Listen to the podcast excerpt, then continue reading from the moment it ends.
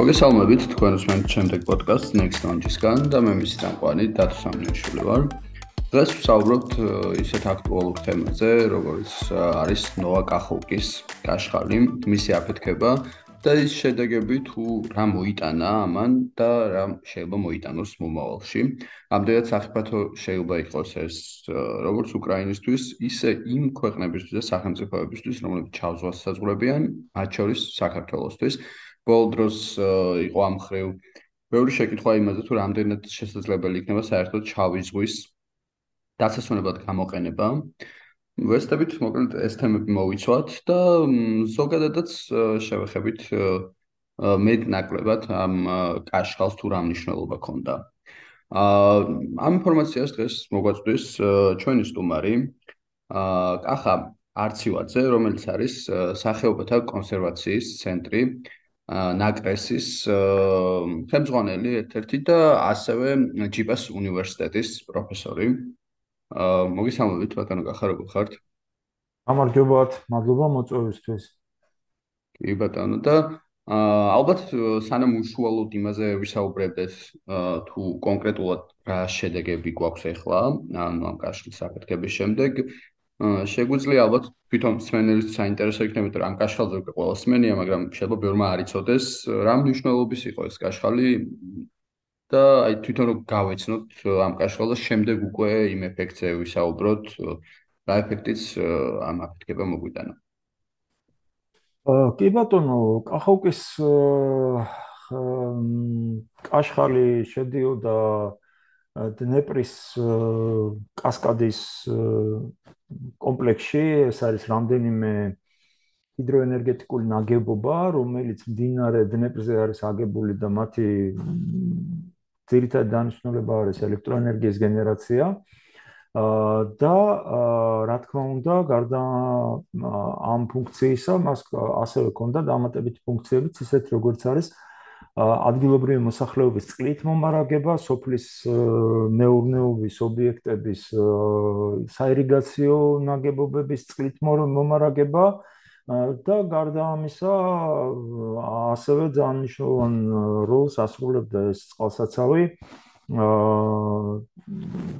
ზაპოროჟეს ატომური სადგურის გაგრილების მხრივაც, რადგან ატომურ სადგურებს მოგეხსენებათ, ჭირდებათ ძალიან დიდი რაოდენობით წყალი იმისთვის, რომ გაგრილდეს რეაქტორები, დიდი რაოდენობით ციფროს გამოიმუშავებს ატომური სადგურის, ამიტომ პერმანენტულად საჭირო არის წყლის მიწოდება ატომური სადგურებისთვის და აი ამ ერთ-ერთი ყველაზე დიდი სადგურია ეს ზაპოროჟიეს ატომური სადგური, რომელიც ასევე კახოვკის წყალსაცავის ნაპირზე მდებარეობს, უფრო სწორად მდებარეობდა, იმიტომ რომ წყალსაცავ წყალსაცავი ეხლა ამ კატასტროფის მერე საგრძნობლად შემცირდა, წყალმა დაიხია და დღეს ატომურ სადგური უკვე ნაპირზე აღარ მდგომარეობს.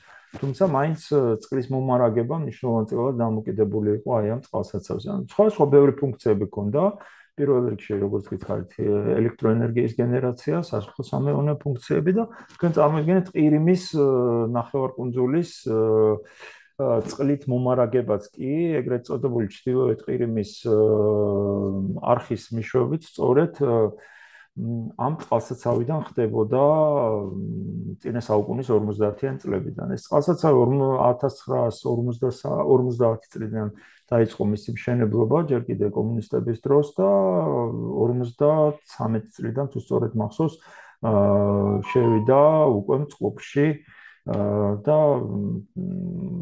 მუშაობდა როგორც ელექტროსადგური წლების განმავლობაში, მანამ სანამ სამწუხაროდ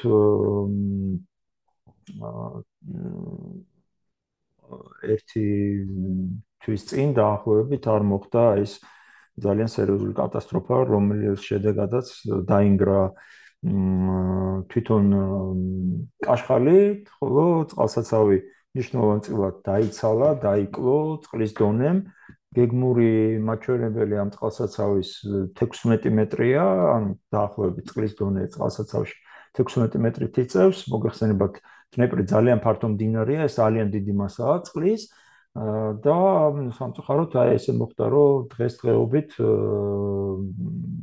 წყალსაცავი დაახლოებით 7 მეტრზე არის რამდენიც მე ვიცი დაწეული ეს ძალიან მნიშვნელოვანი ცვლილება აი ამ კასკადში და თვითონ აი ამ ტერიტორიაზე.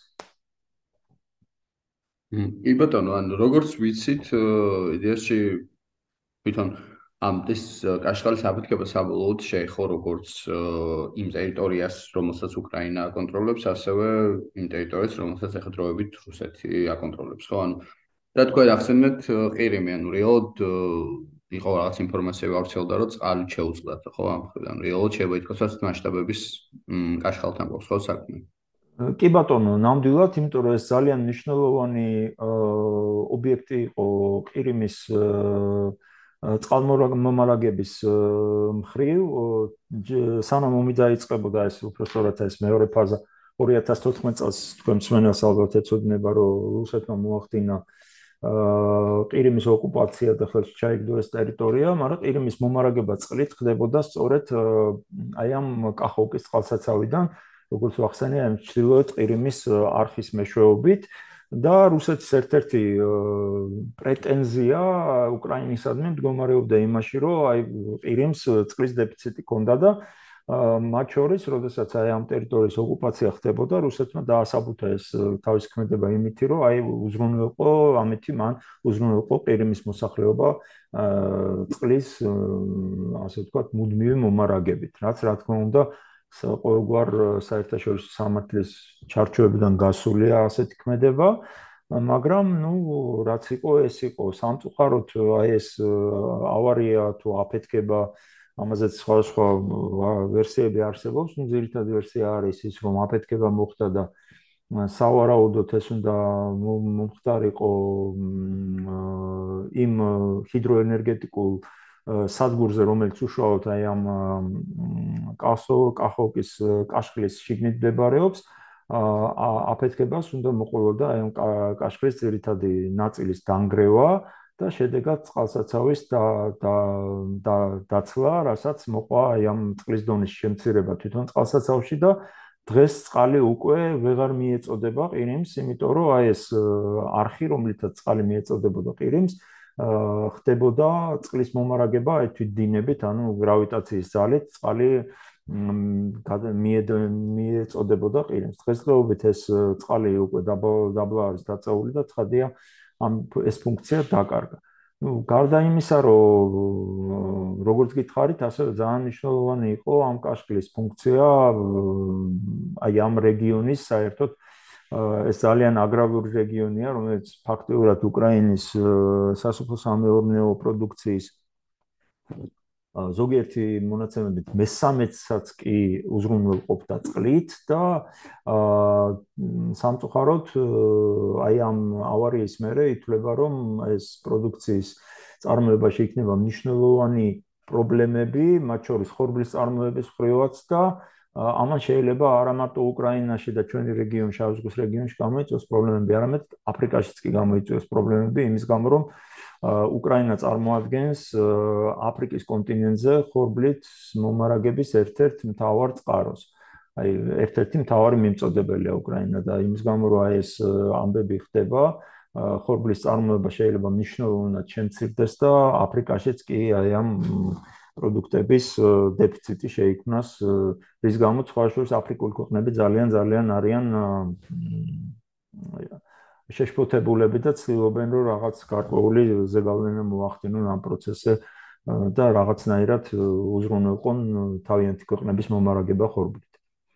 კი ბატონო, ხო ამაზე იყო ადრეც საუბარი ეს ხორბლის აა გადატანაზე და აგრეთვე ცალკე საკითხი იყო მაგას ნამდვილად, მაგრამ აი უშუალოდ იმაზე რომ ვისაუბროთ, ანუ რამდენად სერიოზულად შე აი ეკოციდიც უწოდა უკრაინამ ამას ხო ამ მოვლენას და რეალურად რამდენად საფრთხე შეუქმნა ამას გინდაც ადამიანების ფაქტორის გარდა ხო? იქ ხო არის რაღაც სოციალური ორგანიზმები აი ამ ხრივ რამდენად საფრთხეა ეს ბიომრავალფეროვნების თვალსაზრისით ეს ძალიან მნიშვნელოვანი ტერიტორიებია რომ წარმოგიდგენთ აი კახოვკის წყალსაცავი სქვემოთ მდებარეობს ეგრეთ წოდებული დნეპრის ლემანის ზონა რომელიც ბიომრავალფეროვნების თვალსაზრისით ერთ-ერთი ძალიან მნიშვნელოვანი ტერიტორიაა. ეს არის ეგრეთ წოდებული წყალჭარბი ტერიტორიების მთელი კასკადია იქ დაჭაობებული მონაკვეთები, კუნძულები, დინარის პირებზე არის ძალიან ბევრი ბუნებრივი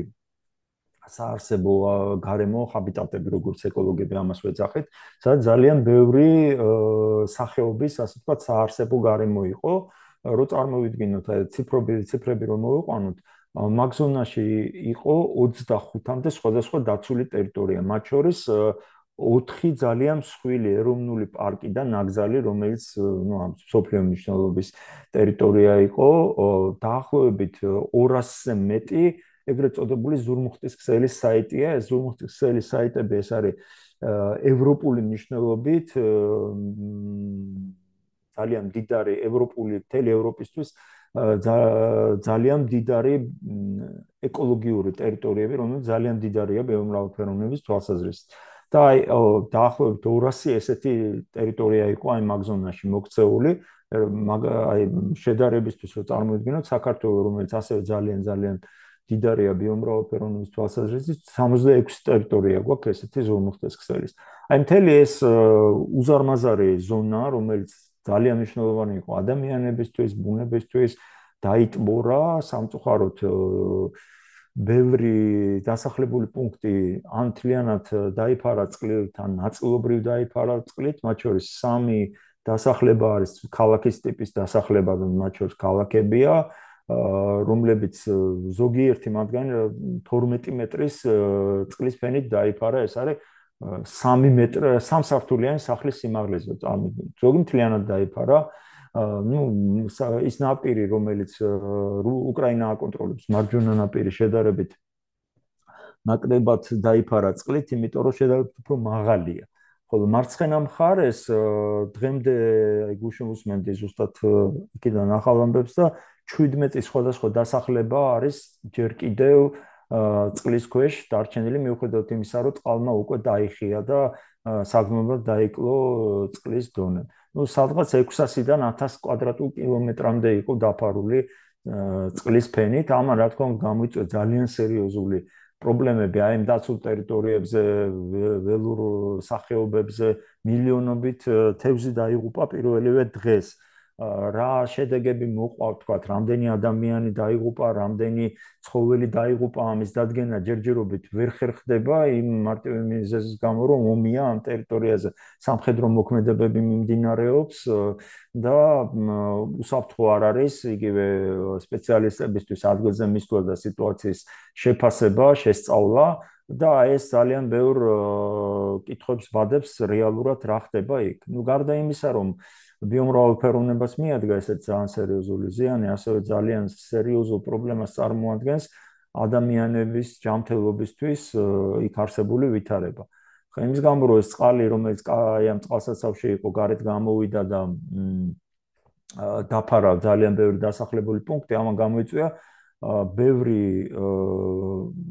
ადგილზე არსებული კომუნიკაციების დაზიანება, მათ შორის საკანალიზაციო სისტემების დაზიანება სოფლებში ხა სოფლად მოსახლეობა მოგეხსენებათ როგორც უკრაინაში ასევე ჩვენთანაც საკანალიზაციო სისტემები ბევრგან არ არის იქ არის ეგრეთ წოდებული ჩეჩმებს რო ეძახით აი ჩვენ ჩვენთან სადაც აი მთელი ეს ფეკალური მასები არის შეგროვილი და წყალმო მთელი ეს ტერიტორიები დაფარა რომ წარმოიდგინოთ გამორეცხა ეს მასები ყველაფერი წყალში მოხვდა, კანალიზაცია სადაც დაზიანდა, ესეც ყველაფერი, რა თქმა უნდა, წყალში მოხვდა. გარდა ამისა, წყალმა წაიღო რამდენიმე საწყობი, რომელიც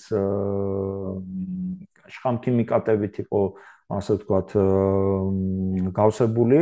რა ზიანი მიადგა ამ ამის გამო ზუსტად ჯერჯერობით უცნობია, იმიტომ რომ შეფასება როგორც გითხარით, ვერ ხერხდება და აი უკრაინის გარემოსდაცვის სამინისტროს ინფორმაციით 160-დან 170 170 ტონამდე საპოხი მასალებია წყალში დნებში, მდინარე დნებში მოხვედრილი და ზუსტად რამდენი ვთქვათ აი ნავთობპროდუქტია მოხვედრილი ან სხვა ობიექტებიდან საშიში ქიმიური ნივთიერებები, რომლებიც ადამიანის ჯანმრთელობისთვის, ცხოველებისთვის, ცენარეებისთვის, პლანქტონისთვის, თევზებისთვის არის საშიში, მაგის თქმა ზუსტად არავის ჯერჯერობით არ შეუძლია და კიდე ერთი ძალიან საშიში მომენტია ის, რომ ეს ტერიტორიები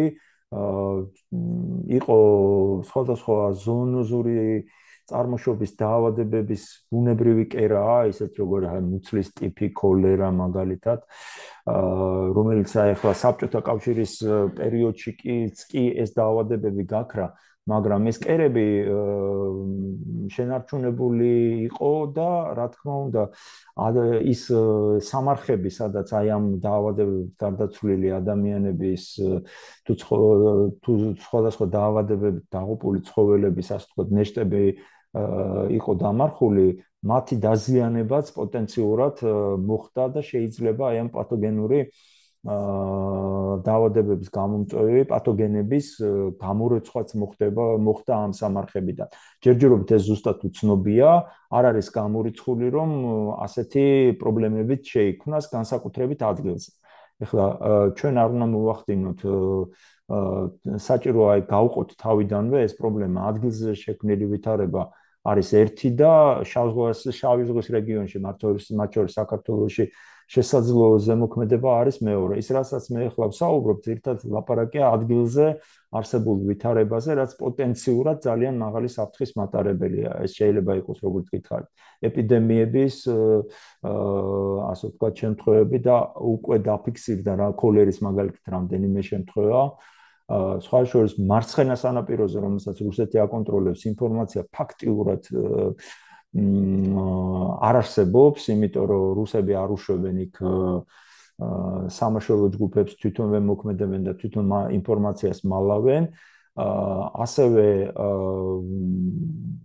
მარჯვენა სანაპიროზეც მთლიანად დეტალური ინფორმაცია ცნობილი არ არის, რადგან სამხედრო მოქმედებების გამო რამდენიმე დღის წინ იყო მაგალითად შემთხვევა, რომ მაშველების ნავი, რომელიც ადამიანებს ხსნიდა სახურავზე იყვნენ ადამიანები სახლის სახურავზე გარშემო წყლით იყო მთელი ტერიტორია დაფარული. აი მათი მოსახსნელად მისული ნავიც კი აღმოჩნდა საარტილერიო ცეცხლის ქვეშ და ერთი მაშველი დაიღუპა კიდევაც გერმანელი მაშველი იყო რომელიც მოხალისე იყო ჩასული ადგილზე დაიჭრა და ერთი მაშველი დაიღუპა კიდევაც აი ესეთ სიტუაცია ამიტომ ზუსტი პროგნოზების გაკეთება რა ხდება ადგილზე ჯერჯერობით სამწუხაროდ ვერ ხერხდება. აჰა. გასაგებია, კი ბატონო. როდისთვის უნდა ველოდოთ თვითონ რომ ანუ წყლის დონე დაიწევს, ან ეს დატბორილი ადგილი გათავისუფლდება? აი ამაზე შეგვიძლია. აა ფაქტიურად, ну წყალი ბევრგან უკვე როგორც აღნიშნე უკვე წავიდა და და ასე თქვა დაიკლო, წყლის დონემ დაიკლო, თუმცა კიდე რჩება ბევრი დასახლებული პუნქტი, სადაც წყლის დონე არის დაახლოებით 80 სანტიმეტრამდეა ჯერ კიდე. აი მარცხენა სანაპიროზე რო 17 ესეთი დასახლებული პუნქტი იყო გუშინდელი მდგომარეობით, ანუ 21 ივნისის მდგომარეობით. და მარჯვენა სანაპიროზე თუ სწორედ მახსოვს 6 თუ 7 ესეთ დასახლებული პუნქტებია. მათ შორის არის ერთი დიდი ქალაქი პრისტენს ეძახიან, ჩისტი პრისტენს, იმაზე იქ მაგალითად რა ხდება ჯერჯერობით უცნობია, იმიტომ რომ ეს მარცხენა სანაპიროა და ამ ქალაქის ტერიტორიაზე რუსები არ უშვებენ არავის. ზოგადად, ну, ამ ეტაპზე დაახლოებით 50 ადამიანი ითვლება, რომ დაიღუპა და 50 ადამიანი არის კიდე უგზო-უკლოდ დაკარგული. ეს არის რაც ამ ეტაპზე ცნობილია. ცხოველების, დაღუპული ცხოველების რაოდენობა, დაზიანებული ინფრასტრუქტურის რაოდენობა, ამაზე ლაპარაკი, როგორც გითხარით, ჯერ ადრია, ანუ უკრაინის გარემოსდაცვის სამინისტრომ კი უკვე აღნიშნა, რომ ეს დაახლოებით მინიმუმ 50 მილიარდი დოლარის ზარალი მიადგა ამ ტერიტორიებს, მაგრამ ეს არის ძირითადად აი მიახლოებით შეფასება. ადამიანების მსხვერპლი, თქვა იგი ცხოველების და სოფლის მეურნეობას რა ზარალი მიადგა, აი ალბათ დაახლოებით ერთ კვირაში საბოლოო წყალი რო წავამას მე უფრო მეტი ინფორმაცია იქნება, ისიც ალბათ მარჯვენა სანაპიროზე, მარცხენა სანაპიროზე დარწმუნებული არ არა ვარ, იმიტომ რომ იქ რუსები არ იძლევიან როგორც აღნიშნე ინფორმაციას. ბევრი ზონა უკვე წყლისგან დაიცალა, მათ შორის აი წყალსაცავის ტერიტორიას, ანუ კაშხლის ზემოთ რაც არის, მონაკვეთა წყალი იყო დაგროვებული. იქ უკვე წყალი აღარ არის, დამშრალია და გამოჩნდა ძალიან ბევრი მონაკვეთი, რომლებიც აა ადრე წყლით იყო დაფარული, დღეს უკვე მშრალია ეს მონაკვეთი და არის ესეთი მცირე ზომის პატარა გუბურები დარჩენილი ასობით ასეთი ათასობით ალბათ გუბურებია ეს ფოტოები გავრცელდა რამდენიმე დღეა. და სხვადასხვა გამოჩნდა ძალიან ბევრი წინაწლების ასე ვთქვათ შედეგებიც ვთქვათ სკერის ნაღმებიც გამოჩნდა მეორე მსოფლიო ომის დროს დაღუპული ჯარისკაცების შეიარაღება ვთქვათ გერმანული აა ჯარის შეიარაღებაც კი იქნა ნანახი იმის გამო რომ წყალმა რო დაიხია ეს აპირები განთავისუფლდა და გამოჩნდა ეს ყველაფერი. ხა ეს ტერიტორია ძალიან სერიოზული ბრძოლების ქვეშ იყო მეორე მსოფლიო ომის დროს და სხვადასხვა მინდა აღნიშნო რომ ამ ტერიტორიაზე ეს პირველი შემთხვევა არ არის. დნეპროფესი შეიძლება ბევრ ადამიანს გაუგია, აი განსაკუთრებით შედარებით ასაკიან ჩვენ თანამოქალაქეებს ახლა საბჭოთა კავშირის დროს ყველა მიცოდა ეს ისტორია, როდესაც დნეპროფესი დაინგრა და ამან პირველი მეორე მსოფლიო ომის დროს ძალიან დიდი ზიანი მიაყენა საბჭოთა კავშირს და საბჭოთა კავშირი სუამთი ამაყობდა რომ აღადგინეს ეს დნეპროფესი, მაგრამ ბევრმა არ იცის რომ ეს ისტორია არის ასევე ძალიან ახლოს არის კახოვკისგან, უფრო ზემოთ არის კახოვკის წყალსაცავის ეს ნეპროფესიის აფეთქება მოხდა საბჭოთა ჯარის მიერ. გერმანელებმა გაარღვიეს საბჭოთა ჯარების თავდაცვითი ზონა 1941 წლის აგვისტოში და რო შეეჩერებინათ გერმანელების წინსვლა ამის გამო აფეთქეს საბჭოთა ჯარებმა აფეთქეს ნეპროფესი ისე რომ არც გაუფრთხილებიათ არც ადგილობრივი მოსახლეობა და თორე არც საბჭოთა ჯარისა ეს ხელმძღვანელობა ამან გამოიწვია ეს რომ აი ამ ეს ბევრად უფრო დიდი ჰესია ნეპროფესი რომლის აფეთქების შედეგად 30 მეტრიანი ტავა წარმოიქმნა რომელმაც აი მთელი ეს ზონა წალეკა მთლიანად ზაპაროჟიეს სანაპირო მაშინ მინიმალური სხერპლი როგორც ითვლება არის 3000 ადამიანი რომელიც აი წყალდიდობის დროს დაიღუპა, ხოლო ზოგიერთი მონაცემებით 100000 ადამიანამდე, მათ შორის ჯარისკაცებით, საბჭოთა ჯარისკაცები, გერმანელებს თითქმის არ შეეხო ეს ისტორია, ძირითადად წითელარმიელები დაიღუპნენ აი ამ ამბის გამო. ანუ საკუთარი თავი დააზიანეს გამოდის მაგის. ფაქტიურად კი და რაც თავია კიდე მეორე მომენტი ის იყო რომ ამ იმის გამო რომ აი ეს წყალდიდობა მოხდა წითელი არმიის ის ჯგუფი რომელიც დნეპრის მარჯვენა სანაპიროზე იყო და არაძლებდა გერმანულ არმიას ასე ვთქვათ წენსვის საშუალებას აღმოჩნდა ფაქტიურად იზოლირებული ალყაში და მე მთლიანად ტყვეთ ჩავარდა გერმანელების უკან დასახევი გზა მოეჭრათ მათ და ფაქტიურად მთლიანად ტყვეთ აღმოჩნდა. გერმანელებმა აღადგინეს დნეპროფესი 1942 წლიდან ისე მწყობში შევიდა დნეპროფესი და მუშაობდა მაგრამ შემდგომ როდესაც უკვე წითელი არმია შეტევაზე გადავიდა და გერმანელები უკან იხებდნენ 53 წელში ხელახლა აფეთქეს ეს ტერიტორია ეს ეს დნეპროფესიის ხელახლა აფეთქება მოხდა. რა მაშინ უკვე რამდენი იყო ზარალი? ზუსტად არავინ არ იცის იმიტომ რომ ხა ცხადია გერმანელების ინფორმაცია ნაკლებია და მაგრამ ნუ ფაქტი ფაქტად რჩება რომ ეს ტერიტორია ესე ორჯერ მოხდა ესეთი სერიოზული კატასტროფის ქვეშ. ნუ საუბედუროთ ახლა ეს გამეორდა უკვე მესამეჯერ ფაქტიურად ერთი და იგივე ტერიტორიაზე მესამეჯერ მოხდა. ისე დაახლოებით რამხელა ტერიტორიის დაფარვა მოხდა წყლით აი ეგრო ვთქვათ 600 კვადრატული კილომეტრი ეს არის მინიმალური მაჩვენებელი რაც სატელიტური ანალიზიდან ჩანს. თუმცა ესე დაბალ შედარებით თხელი წყალი ალბათ თუ იმას გავითვალისწინებთ ზოგიერთ ადგილას წყალმა შედარებით უმნიშვნელოდ დაფარა ზოგიერთი უბანი ამის შეფასება უკვე სატელიტური ანალიზით ჭირს და ასეთი პროგნო ასეთი შეფასებებით 1000 კვადრატულ კილომეტრამდე არის კი ბატონო. ძალიან ძალიან დიდი ტერიტორია რა.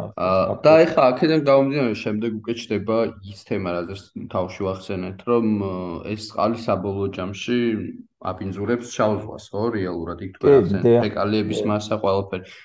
რაც საბოლოოდ ხდება ხდება ზღვაში, იქ ხო საუბარი რომ ოდესას მხრიდანო, ანუ უბრალოდ გამოყენება ზღვისო აა აღარ შეიძლებაო და ნუ ამას შემდეგ უკვე მოყვა ის რომ ის ქვეყნები რომლებიც ასევე ესაზღვრებიან ჩავ ზღვას ვეღარ გამოიყენებენო დასასვენებლად ამ შემთხვევაში ზღვას და აი ამაზე რა შეგვიძლია ვთქვათ რეალურად როგორი სიტუაცია ან რა მოლოდინები გვაქვს ამდენად პროგნოზირებადი აქ მინდაც ეს საკითხი. ხო, აქ უნდა დავამატოთ ერთი მნიშვნელოვანი გარემოება, რომელიც ნუ ისეც ძალიან ასე ვთქვათ, თალყბათ ვახსენეთ, ესე და ნაღმები და საბძოლო, საბძოლო მასალები, რომლებიც აი ხა მან საბძოლო მოქმედებები მიდიოდა და რუსული მხარეც და უკრაინული მხარეც ნაღვავდა ნაპირებს, იმიტომ რომ დესანტების გადასხმის ეშინოდათ. ძალიან დიდი რაოდენობით ნაღმი წაიღო კიდე წყალმა და ეს ნაღმები კიდე დამატებით საფრთხეს ქმნის. რა დიახ, ესე იგი თქვენ სწორად ზანით, ესე იგი მთელი ეს მომწავლავი ნივთიერებები აა პოტენციური პათოგენური ორგანიზმები ყველაფერი ეს ხდება საბოლოო ჯამში შავ ზღვაში. და ეს ნაღმებიც რა თქმა უნდა შავ ზღვაში ჩაიტანა ყველაფერი.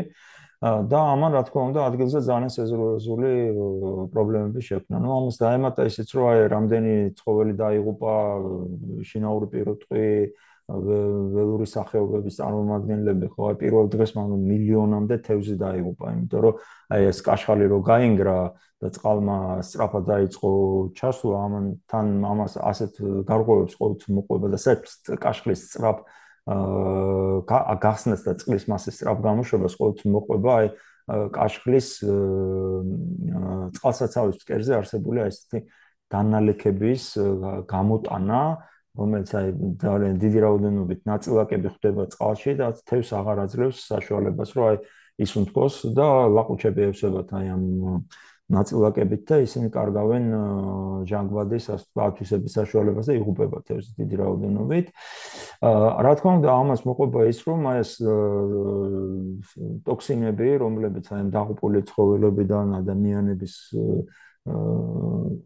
სხეულები რომლებიც დაცურავენ ამ წყალში გამოყოფენ შესაბამის ტოქსიურ ნივთიერებებს და ეს კიდე დამატებით ასე ვთქვათ მომწამლო ფაქტორს წარმოადგენს. ეს ყველაფერი მოხდა აი ამ დნეპრის ლემანის ტერიტორიაზე, ეგრეთ წოდებული, რომელიც ახლოს არის ოდესის სანაპიროსთან და მოგეხსენებათ უკრაინა უშუალოდ ესაზღვრება რუმინეთს და რუმინეთიდან შემდგომ ბულგარეთის, ასე ვთქვათ, სანაპირო იწყება.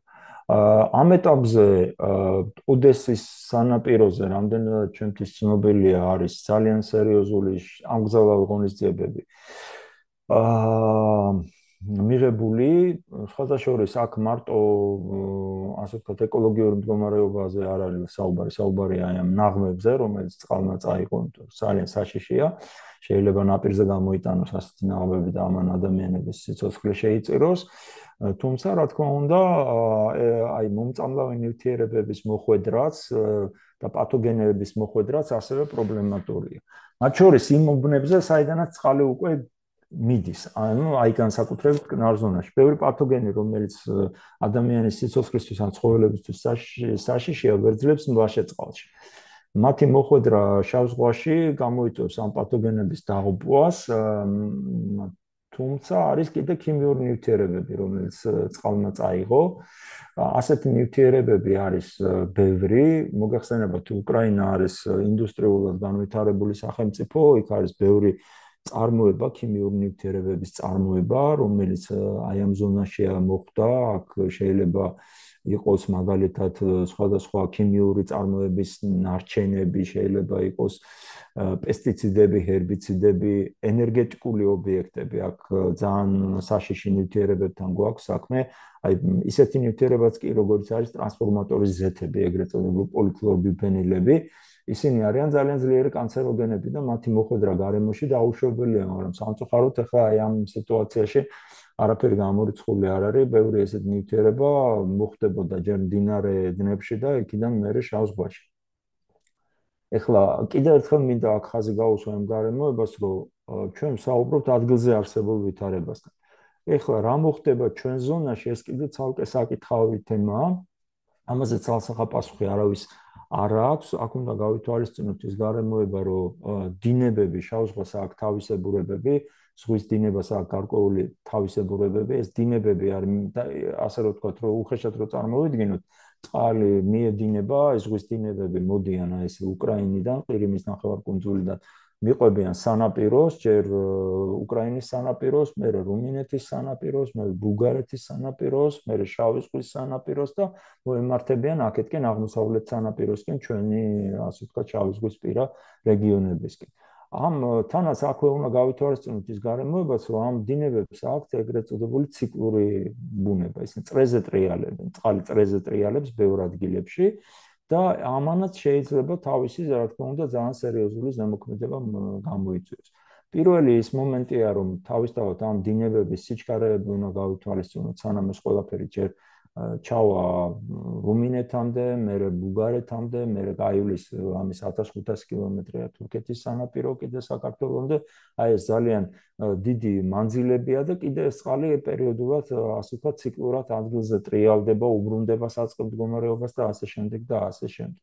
ჯერჯერობით რუმინეთში არის რამდენიმე პლაჟი, რომელიც каранტინშია და ძირითადად каранტინში არის იმის გამო, რომ იქაც არის ნაღმების გატანის საფრთხე.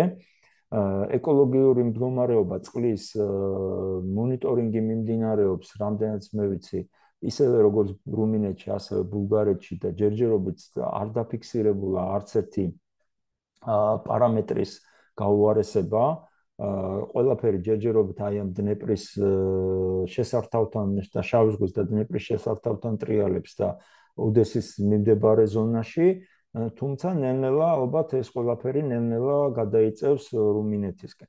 აქ უნდა გავითვალისწინოთ ის გარემოებაც, რომ ახლა შავი ზღვა მოგეხსენებათ, ახლა ძალიან დიდი მასაა წყლის, აი ამ მასაში ეს ტოქსინები რა თქმა უნდა გაზავდება და აი ამ საშიშ კონცენტრაციების ქვემოთ ჩამოვა, რის შემდეგაც უკვე მათი ზეგავლენა ადამიანის ჯანმრთელობაზე მცირდება და თანდათანობით უსაფრთხო ხდება. რაც უფრო მეტად განზავდება, ასე ვთქვათ, ეს ტოქსინები იქნება თუ დამაბინძურებლები, მით უფრო ნაკლები საფრთხის შემცველი. ამიტომ მე მაინც-მაინც არა ვარ განწყობილი ძალიან სკეპტიკურად, რომ საქართველოს შავი ზღვის სანაპიროზე რაიმე სახის ცვლილებებს ნახავთ. ამას კიდევ ერთხელ ვამბობ, ამას ჭირდება დრო და არა ერთი და ორი კვირა, არამედ რამდენიმე თვეზეა ლაპარაკი, რომ აი ეს წყლის ციკლი რაც შავ ზღვას გააჩნია, ну აი უხეშად რო წარმოვიდგინოთ დღეღამეში შეიძლება ну აი ეს დინება თქვათ წყალი გადაადგილოს თქვათ 20 20-დან 40 50 კილომეტრამდე. და თანაც ეს ციკლური ხასიათი აქვს და აი ამ 50 კილომეტრის მეტი, აი თქვათ ერთი დღის განმავლობაში წყალი ვერ გადაადგილდება. ხო, ამას რა თქმა უნდა დრო დაჭirdება, რამდენიმე თვე რომ აი წყალი რომელიც დაბინძურდა დღეს სადღაც ოდესასთან ან ნიკოლაევთან მოხდეს საბოლოო ჯამში საქართველოსდე მოვიდეს და მე რა თქმა უნდა ეს ყველაფერი ზავდება და პლუს ამას კიდე ემატება ეგრეთ წოდებული ბიოლოგიური გაწმენდის ფენომენი რომელიც გომარებს იმაში რომ შავზღვაში მობინადრე მიკროორგანიზმები და ეკოსისტემა თავისი კომპონენტებისგან შედგება მათ შორის მიკროორგანიზმები არიან რომლებიც ამ ნივთიერებებს გადაამუშავებენ ისინი შთანთქავენ ამ ნივთიერებებს შლიან ამ ტოქსიურ ნივთიერებებს და მათი კონცენტრაცია ამ დროთა განმავლობაში მუდმივად შემცირდება. არის საფრთხე იმისი, რომ ადგილზე არსებული, თქვათ, იქ თევზი, რომელიც მაგალითად ადგილზე ბინადრობს, აი დნეპრის შესართავთან, მათ მათ ქსოვილში მოხდეს ბიოლოგიური დაგროვება, ბიოაკუმულაციას ეძახიან ამას, ანუ ამ ნივთიერებების დაგროვება და თუ აი ამ თევზის უმეც ადგილზე მოიპოვება მას ადამიანები მოიხმარენ, შეიძლება მათ ორგანიზმს რაღაც გარკვეული უარყოფითი ზემოქმედება მოხდეს. ჩვენსკენ, ну, ამისი ალბათობა კიდევ ერთხელ ვამბობ, შედარებით ნაკლებია, 0-თან ახლო 0 არ არის ამისი ალბათობა, ამისი ალბათობა არსებობს, მაგრამ ну, ფაქტიურად 0-თან ახლოს არის. ხა რა შეიძლება ამისთვის გაკეთდეს, რომ ჩვენ მსმენელმა ხა ძალიან არ ვინერვიულოთ და ეს რაღაც გაუკვეველი აჟიოტაჟიც იყო ამ თემებზე. ამწყდარი რომ აი ხალხს ეშინია ზღვის სანაპიროზე წასვლა ну თავარი არის მონიტორინგი რომელსაც აწარმოებს გარემოს ეროვნული სააგენტო. ეს არის სპეციალური სამსახური რომელიც წყლის ხარისხის კონტროლზე არის პასუხისგებელი. ეს ძალიან საკმაოდ განვითარებული სტრუქტურაა. წლების განმავლობაში მოხდა ამ სამსახურის გაძლიერება ხო მე არასამთავრობო სექტორს წარმოვადგენდა ჩვენ ყოველთვის ვაკრიტიკებთ ხშირად ვაკრიტიკებთ უბრალოდ გარემოდაცვის სამინისტროს სხვადასხვა ნაბიჯების გამო, მაგრამ ნუ ფაქტიურად აი ეს ნე ან გარემოს ეროვნული სააგენტო საკმაოდ მათ შესაძლებლობები საკმაოდ გაზრდილია, ისინი პერმანენტულ მონიტორინგს ახდენენ და მე ღმერთ ვარ დარწმუნებული რომ თუ ღმერთთან უკნას და ასეთი სიტუაცია მოხდა საქართველოს და გაუარეს და წყლის მდგომარეობა სანაპიროზე, შავ ზღვის სანაპიროზე საქართველოსი მაშინ ინფორმაცია იქნება და თუ ასეთი გაფრთხილება იქნა მოსახლეობამ თავი უნდა შეიკავოს თქვათ ბანაობისგან.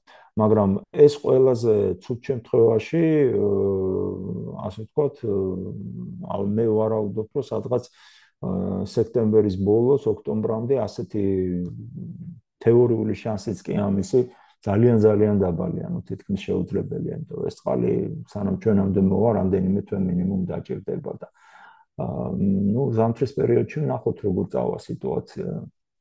არაფერი გამორიცხული არ არის, კიდე ერთხელ ვამბობ, მოგეხსენებათ ბათუმის სანაპიროზე რამდენიმე თვის წინ ნაღვის კი გამოიტანა ზღვამ და არავინ არ იცის საიდან მოიტანა ეს ნაღვი, მაგრამ ამ ეტაპზე ჯერჯერობით ასეთი ინფორმაცია რომ შავი ზღვის წყალი ჩვენ სანაპიროზე რაღაც დაბინძურებულია, ჯერჯერობით არ არსებობს. ჰმმ, კი ბატონო. და ალბათ ნევნელს შეგვიძლია ამ თემის დასრულისკენ წავიდეთ, უბრალოდ აი დაახლოებით თუ შეგვიძლია იმის თქმა, როდისთვის გვეცოდინება ზუსტად, რომ ნუ სიტყვაზე, ანუ აღარ არის საფრთხე, იმიტომ რომ თქვენ თქვით, რომ ეს დინების ფაქტორი თქვით, ანუ როდესაც მოდის და აი ამ ხრივ როდის იქნება შესაძლებელი ზუსტი პასუხების თქმა. ალბათ ეგეთ შეიძლება ინტერესებდეს ჩვენს თუ გვაქვს ეგეთი თარიღები დაახლოებით არა მგონია აი კიდევ ერთხელ ვამბობ მე ხა ძალიან გამიჭirdება ამის ჰიდროლოგებს უნდა ვკითხოთ ალბათ უფრო სწორ ინფორმაციას შავი ზღვის დინებების სპეციალისტები უფრო გვეტყვიან. მე ასეთი ინფორმაცია რო არ მოგახსენოთ არ მაქვს მაგრამ მე გამომდინარე აი სუფთა არსებული ვითარებიდან მე არ მგონია რომ ეს თქვა აი რამე ცვლილებებს წყლის ასე ვთქვათ ეკოლოგიური მდგომარეობის სისუფთავის მხრივ შემოდგომის ბოლო ასე ვთქვათ შუა პერიოდამდე ალბათ არ უნდა ველოდოთ. მე ესე ვარაუდობ. თავს ვერ დავდებ ამაზე, მაგრამ ესე ვარაუდობ.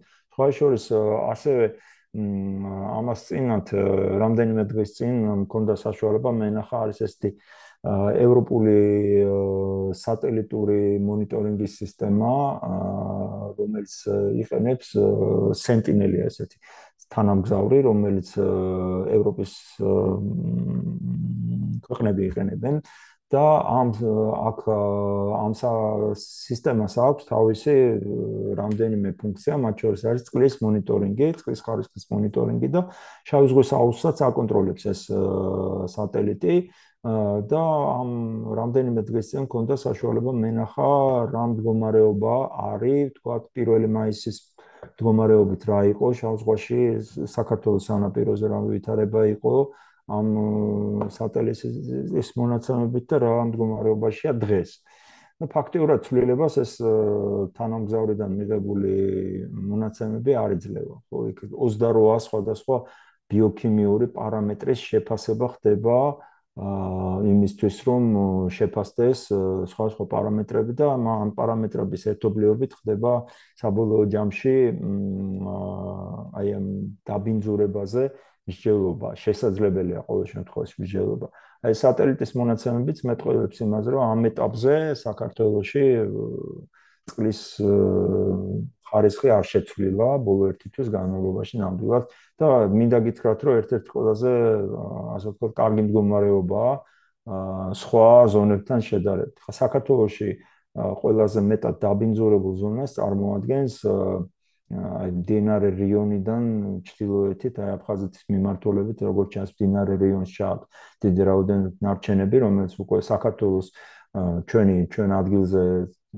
წარმოქმნილი დამაბინძურებლებია, რომელიც შავ ზღვაში და მე დინებას უკვე ჩრდილოეთის მიმართულებით ჯერ სამეგრელოს სანაპიროს გასწრები მიაქვს და შემდგომ აფხაზეთის გავლით ჩრდილოეთისკენ რუსეთის მიმართულებით. და ყველაზე დამბინძურებული მონაკვეთი აი ამ სატელიტის მონაცემებით არის სწორედ აი ეს მონაკვეთი და ჯერჯერობით არაფერი არ შეცვლილა.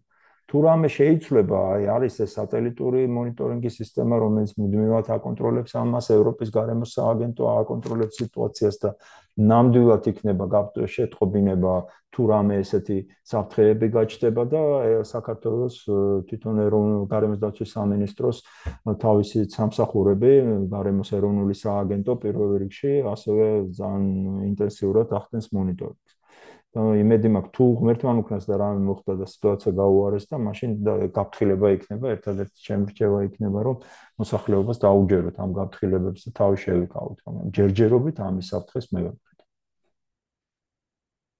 კი ბატონო, კი ბატონო. აა ხო ანუ იმიტომ რომ ერთი მომენტი იყო რაღაც ცოტა პანიკასავით რომ შეიძლება ვეღარ ჩავიდეთ მაგრამ იყო იმიტომ რომ თურქმა ერთ-ერთმა თურქმა ექსპერტმა გააკეთა განცხადება ამის დაობაზე, მაგრამ იქ იყო წინდა ექსპერტული, აი ახლა როგორც ჩვენ ზივარ ვცაუბრობ, რამდენიმე ექსპერტის მოსაზრება იყო და იმ ადამიანმა დააფიქსირა, რომ ასეთი შესაძლებლობა არსებობს და ეს ხა მაგის გამორიცხვას არც მე არ გამორიცხავ ეს მოხდეს. შესაძლებელია ასეთი რამე მოხდეს და არ არის გამორიცხული ნამდვილად. და მან აღნიშნა, რომ თურქეთის სანაპიროს საფრთხე ემუქრება, რომ შეიძლება დაბინძურდეს და ასევე არ არისო გამორიცხული საქართველოსიც მოვიდეს, მაგრამ მოგეხსენებათ, ახლა საქართველოს ჭორები ძალიან სწრაფად ცელდება. და ამან გამოიწვია არასწორი ინტერპრეტაცია მოსახლეობის მხრიდან, რომ ეს არის უკვე მყისიერი საფრთხე და ეხლა უკვე არ შეიძლება და ამ ეტაპზე კიდევ ერთხელ ვამბობ, ასეთი რაიმე ნიშანიან თუნდაც ანალიზის შედეგები ან სატელიტური გამოსახულებიდან მიღებული მონაცემები, რომელიც იძახის, რომ აი ჩვენთან რაღაც ხდება, ასეთი რამე არ არის. ჯერჯერობით არ არის.